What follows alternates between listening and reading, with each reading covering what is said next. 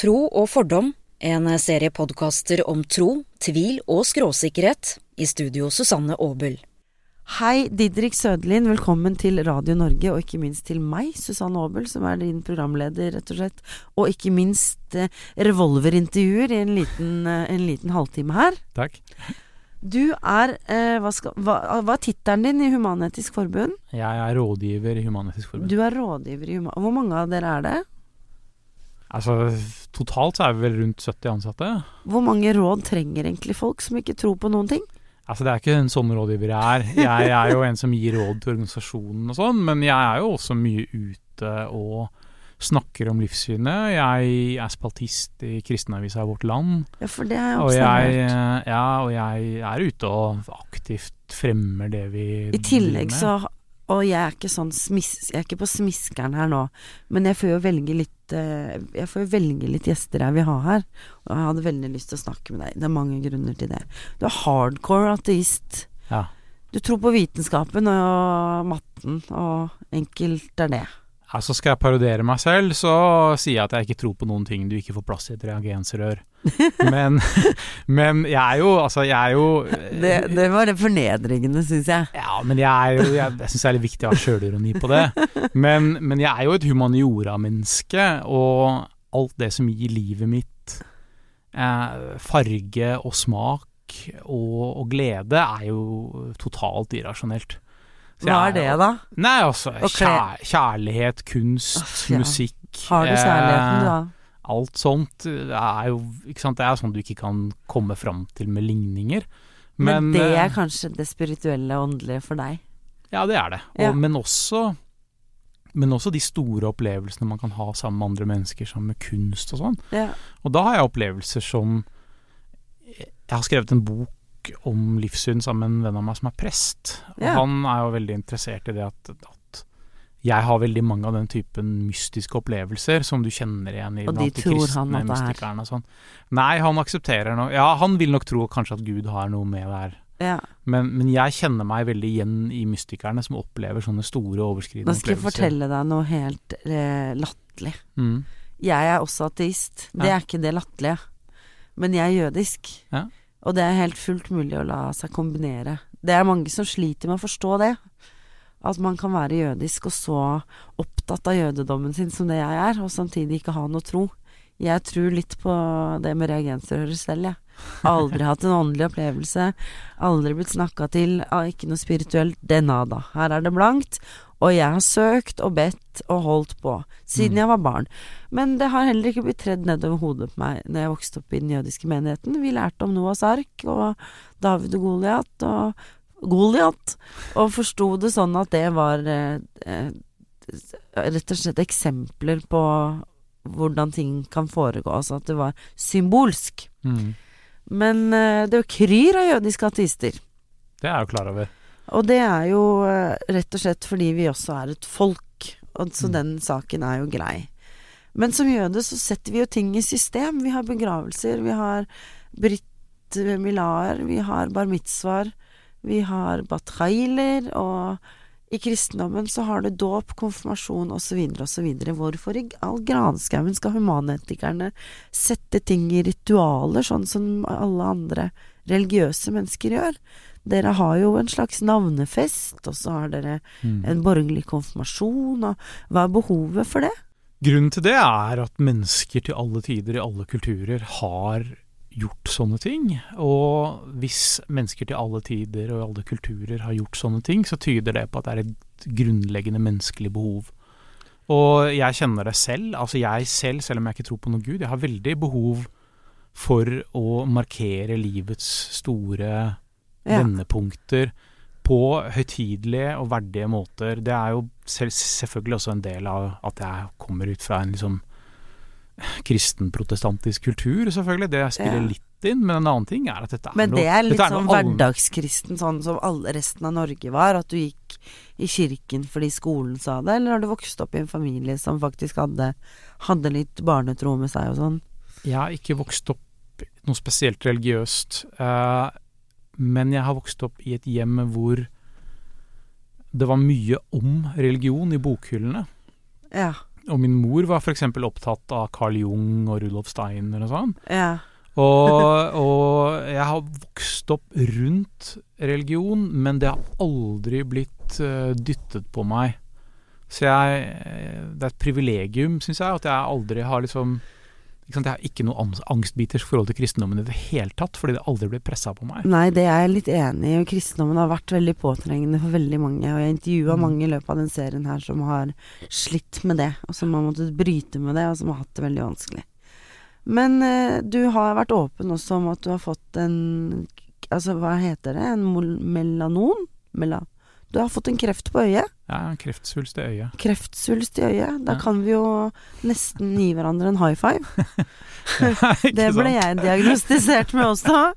Men jeg hadde flaks og hadde ikke kreft. Men det var noe annet som foregikk hos meg, så jeg opererte og stått i. Mm, Men som den ateisten jeg var da, mm, så gikk jeg jo innom noen runder med døden, rett og slett. For det er det Mm. første som slår deg når du hører kreft, uansett om det er på øyet, eller om det er i en føflekk, eller om det er i et organ. mm. Har, det, har du leflet innpå noe, nå som du fikk beskjed om at du var syk? Ja og nei. Nei, Vil du for- fortelle litt om det? Nei, fordi jeg har faktisk blitt mer ateist av å ha fått en kreftsykdom. Fordi jeg føler meg mer trygg som ateist nå, fordi ateismen min overlevde den sykdommen uten noen problemer. Eh, Ja. Og jeg har også, opp, også klart meg gjennom andre ganske fæle ting. Ja. Og blitt styrket i ateismen, eller va- styrket i vantrua I av, vantrua, av, ja. av det. Eh, men samtidig, jeg er jo en som lefler. Eh, det har jeg alltid vært. Jeg er et søkende, nysgjerrig menneske. Og jeg- Men det, det skjærer seg jo litt med ateismen, det. nei, Den søken. nei, absolutt ikke. Fordi jeg er et livssynsmenneske. Jeg jobber med livssyn. Ja. Driver en klubb som har med livssyn å gjøre på fritiden. Altså, jeg Etterpå gjør, skal jeg spørre deg om hvorfor Ja. du alltid går i tweed. jeg, jeg, gjør, jeg gjør masse sånne livssynsting, og for meg så er det å utforske andre livssyn Ja. Det er en del av min egen livssynspraksis. Og det Hva s- gjør at f.eks. når jeg ber med muslimer, ja. eh, Hvordan eller går på føles det? pinsegudstjeneste eller sånne ting, så er det for meg bare berikende og morsomt for meg. Hvilken religion tiltrekkes du mest mot, da, hvis du skulle Hvis du skulle brått vippa over? Sikhismen med sine turbaner er jo perfekt for en med mitt hårfeste. Ja, det da. hadde jo vært fint for Skelljack det har også fått seg en liten turban. ja, ikke sant? Det kan Men, jeg eh, også men fint seriøst, vite. altså, sikhismen har mye annet som jeg også beundrer.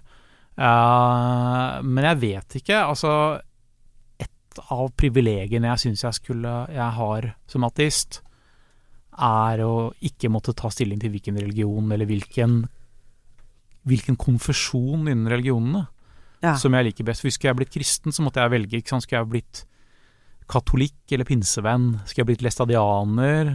ja. Eller Jeg kan jo si høykirkelig. så mye som så at eh, Og det tar jeg og sier høyt, rett og slett fordi jeg syns det var litt feigt. I går skulle Jan Åge Torp være her. Mm. Men han trakk seg. Ja. Og det betyr at eh, det her er ikke et tema som, så- som alle vil rett og slett åpne seg om, da. Inne på noen såre punkter her. Folk er redde for å bli spurt spørsmål de ikke vil svare på. Mm. Ja. Det er kanskje ikke et problem for deg. Og jeg har heller ikke tenkt å fornærme gjestene våre, så jeg fordelen på radio er at folk skrur av hvis det blir jævlig dårlig stemning. Det er ikke noe sånn spesielt eh, hyggelig. Jeg er skamløs, jeg, så du kan s- spørre meg om Du er det meste. skamløs. Ja, det er jeg også.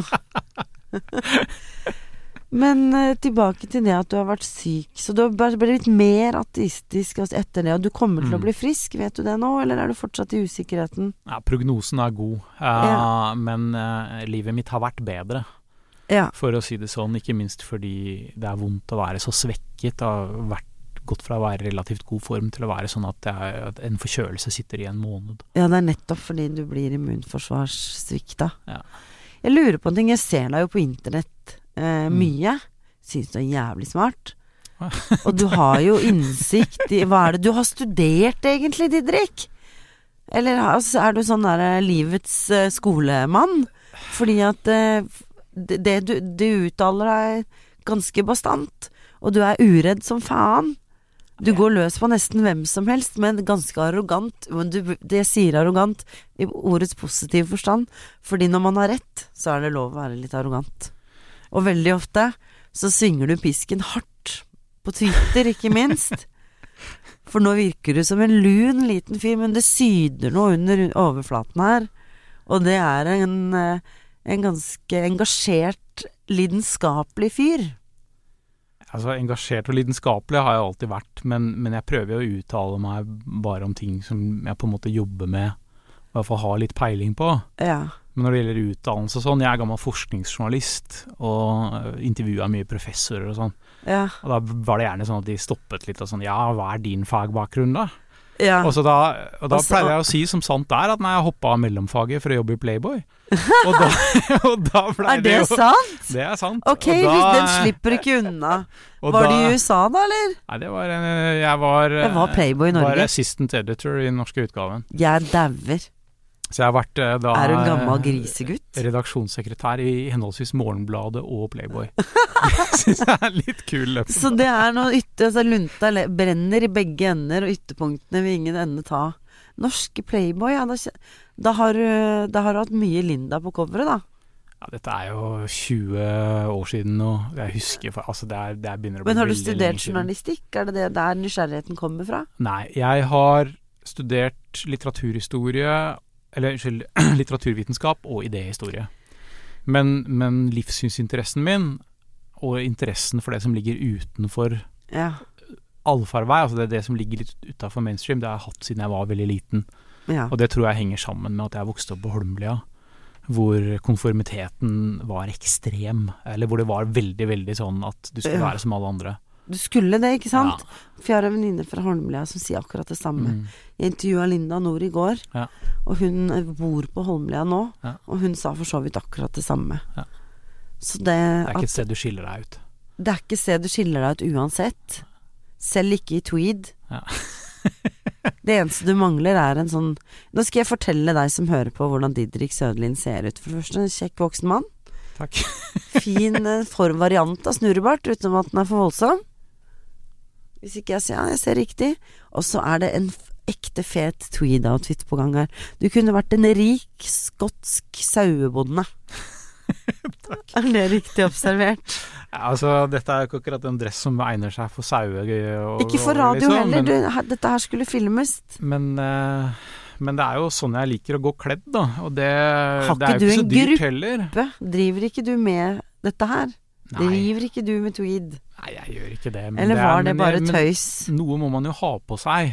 Ja. Og jeg er jo gammel, altså jeg var jo, hang jo i punkmiljøet da jeg var yngre og sånn, så på et punkt så kan du jo ikke liksom, du kan jo ikke fly rundt liksom i bomber. Har du vært og sånn. politisk litt radikal?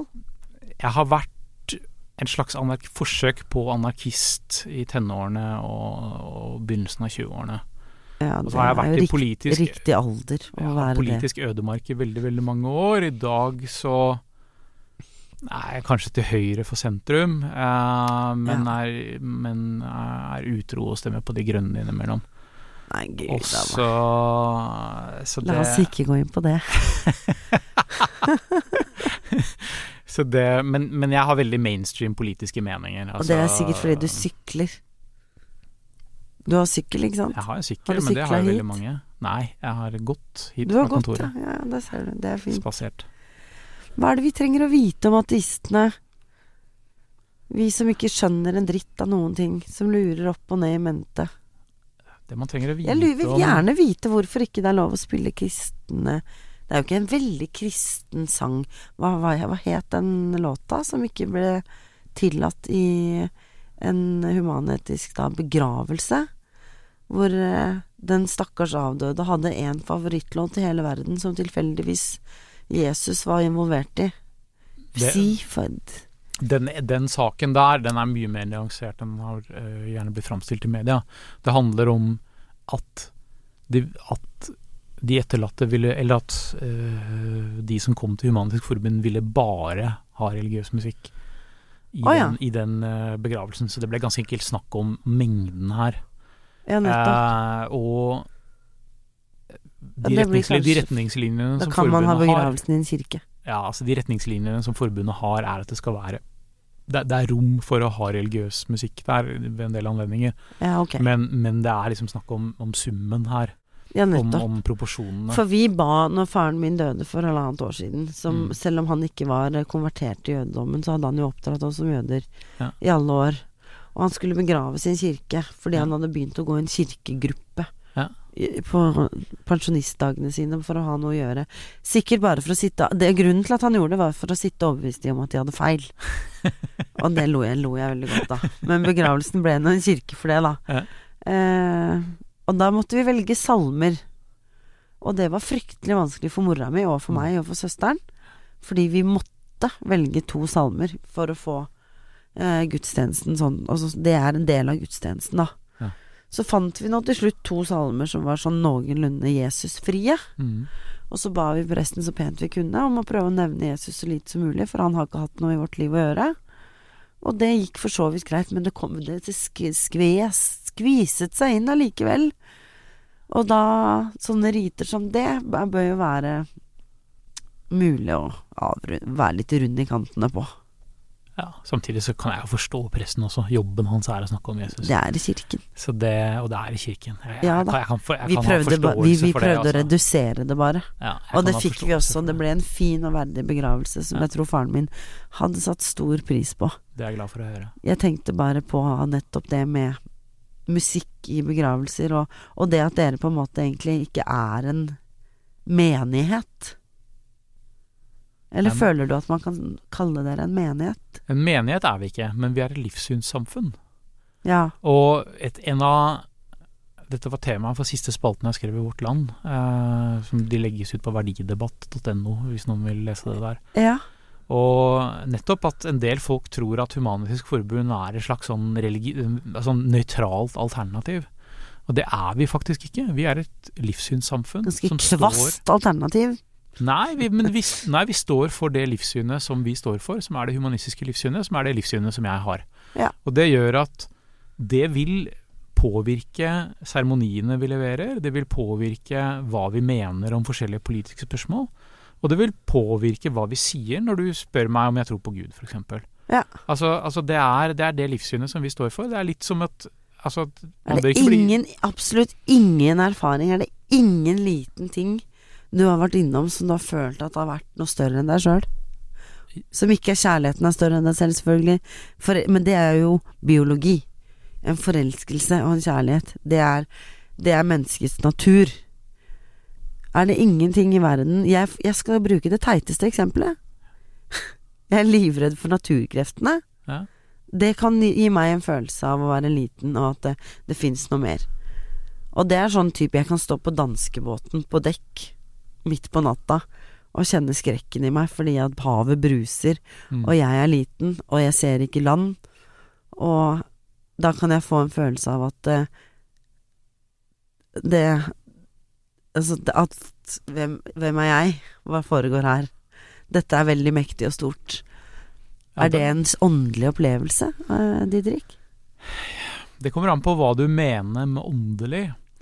Fordi noe av problemet som en del ateister har, det er at språket vi har for å snakke om den typen opplevelser, det er det, rel- det, er det de religiøse som har utviklet. For de har vært veldig flinke til å snakke om sånne opplevelser. Ja. Og det gjør at jeg kan godt kalle sånne ting en åndelig opplevelse.